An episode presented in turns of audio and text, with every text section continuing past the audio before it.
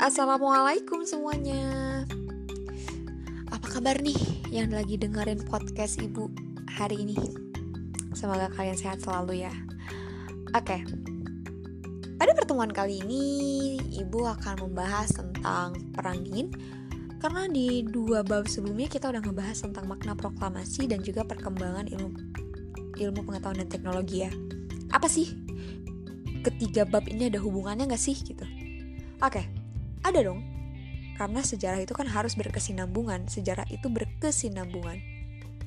Jadi semuanya nyatu, semuanya nyambung, semuanya masuk. Oke, masuknya di mana sih, Bu? Maksudnya di sini. Proklamasi itu kan disebarin lewat radio ya. Oleh Pak Yusuf Ronodipuro. Nah, udah nyampe Palestina sebagai negara yang merespon proklamasi Indonesia dengan positif, dia menyebarkan atau bukan dia, negara tersebut menyebarkan berita proklamasi Indonesia ke wilayah-wilayah Timur Tengah dengan mengganti bahasanya dengan bahasa Arab menggunakan radio. Jadi berita proklamasi Indonesia semakin menyebar. Radio merupakan salah satu perkembangan pengetahuan dan teknologi yang canggih saat itu dalam bidang komunikasi dan informasi, radio itu menjadi salah satu produk yang cukup baik untuk menyampaikan informasi dari negara lain ke negara lain. Kita udah belajar bahwa perkembangan ilmu pengetahuan dan teknologi ini ada banyak aspeknya, ada banyak bidangnya. Salah satunya tadi komunikasi dan informasi yaitu radio. Nah, di perang dingin kita akan jauh lebih banyak berhubungan dengan perkembangan ilmu pengetahuan dan teknologi dalam bidang luar angkasa dan juga persenjataan. Kalian udah tahu dong, kalau misalkan peluncuran satelit Sputnik 1, Explorer 1 itu dipelopori oleh Sputnik oleh Uni Soviet dan Explorer oleh Amerika Serikat. Hal itu tidak semata-mata bahwa kedua negara itu saja yang bisa, Hal itu menunjukkan bahwa keadaan saat itu sungguh tegang antara Amerika dan Uni Soviet. Tegang dalam artian ya mereka saling mm, bersaing. Mereka saling menunjukkan kekuatannya masing-masing. Ketika Uni Soviet berhasil meluncurkan satelit Sputnik, ya Amerika menunjukkan kemampuannya dengan meluncurkan Explorer One. Nah, Selain itu di bidang persenjataan kita tahu bahwasannya bom nuklir mulai dikembangkan saat perang dingin. Wow, serem juga. Bom atom aja bisa menghancurkan dua dua kota di Jepang. Ini apalagi bom nuklir yang bisa menghancurkan mungkin seluruh dunia. Nah, hal itu dipicu oleh apa? Pertama, ketika Perang Dunia berakhir, muncul dua negara adidaya atau dua negara kuat yaitu Amerika dan Uni Soviet. Gimana sih Bu, kok bisa sih muncul dua negara gitu? Kok nggak salah satu aja? Kenapa bisa muncul dua negara? Karena karena mereka berada di timeline waktu yang sama di ruang yang berbeda. Kita udah belajar bahwasannya sejarah itu berhubungan dengan ruang dan waktu. Amerika dan Uni Soviet muncul sebagai negara kuat di timeline waktu yang sama, yaitu di 1945 di keadaan saat dunia ini hancur oleh Perang Dunia Kedua.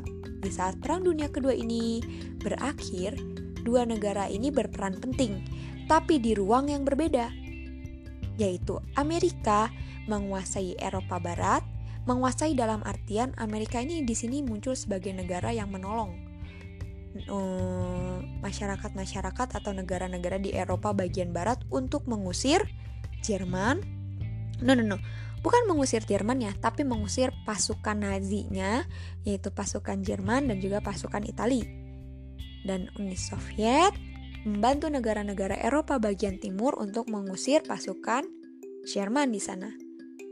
Jadi timeline waktu mereka ini ada di timeline waktu yang sama, ada di tahun yang sama. Mereka berperan penting di masing-masing ruang yang berbeda.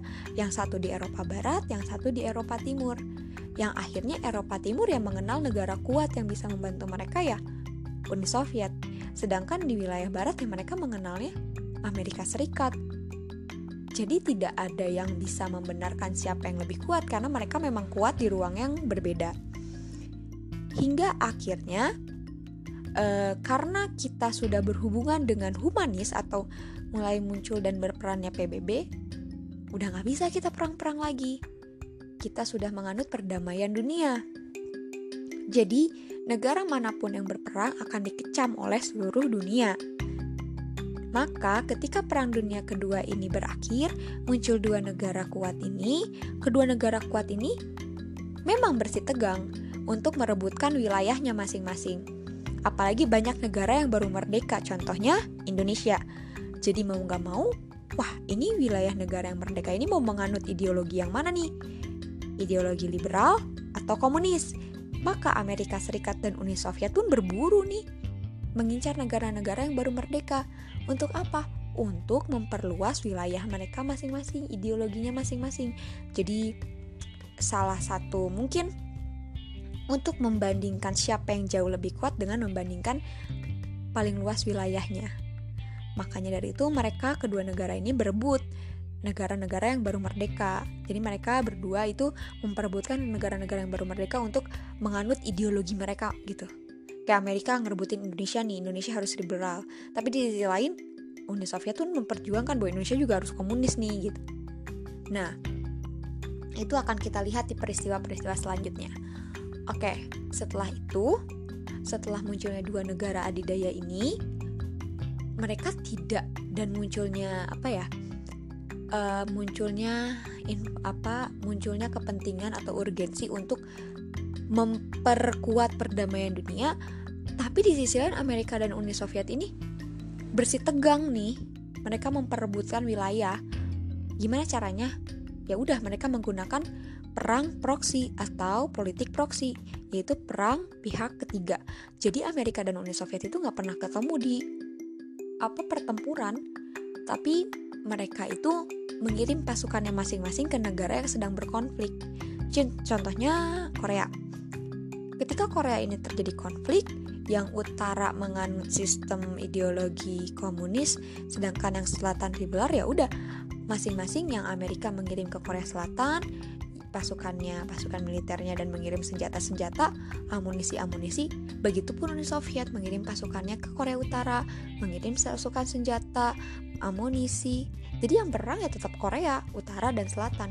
Amerika dan Uni Sovietnya ya enggak. Mereka cuma ngirim-ngirim bantuan aja.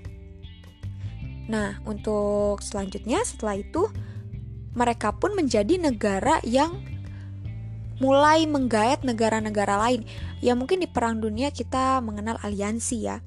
Nah, di perang dunia kedua kayak di perang dunia di perang dingin ini kita mengenalnya organisasi pertahanan, munculnya NATO atau North Atlantic Treaty Organization dan juga muncul Pakta Warsawa. NATO ini merupakan fakta pertahanan yang dibuat oleh Amerika atau dikenal dengan blok barat. Jadi yang wilayah-wilayah yang masuknya itu kayak Inggris, Prancis itu masuk ke NATO karena mereka sekutunya Amerika. Dan untuk Fakta Warsawa di sini masuk juga negara-negara seperti Hungaria, Cekoslovakia, terus juga uh, Yugoslavia. Nah, itu yang beraliran-aliran komunis tuh maksud masuknya ke Pakta Warsawa. Buat apa sih dibikin fakta gini? Oke, dibikin fakta kayak gini itu untuk misal Inggris uh, terjadi perang dengan Ceko atau Hungaria. Nah, masing-masing itu negara-negara yang masuk ke paktanya masing-masing itu harus ngebela negara yang perang tersebut. Harus ngirim pasukan harus ngirim senjata itu sebagai bentuk dukungan. Karena mereka merupakan negara anggota gitu dan negara anggotanya ada yang lagi perang ya harus saling bantu. Itulah tujuan dibentuknya pakta. Nah selain itu perkembangan ilmu pengetahuan dan teknologi juga kan di sini makin pesat ya. Jadi ketika blok timur atau blok barat salah satunya ada yang bikin bom nuklir, ya negara-negara yang ter gabung dalam fakta tersebut akan mengirim ilmuannya masing-masing untuk membuat atau merancang teknologi yang bisa menyaingi atau setidaknya sepadan, setara dengan teknologi yang dibuat oleh pihak oposisi. Nah, segitu untuk materi pembelajaran hari ini. kita masuk ke tahap evaluasinya. Untuk tahap evaluasinya kita lanjutkan di kelas. Uh, silahkan ikuti uh, alur evaluasinya dan kita review lagi di kelas.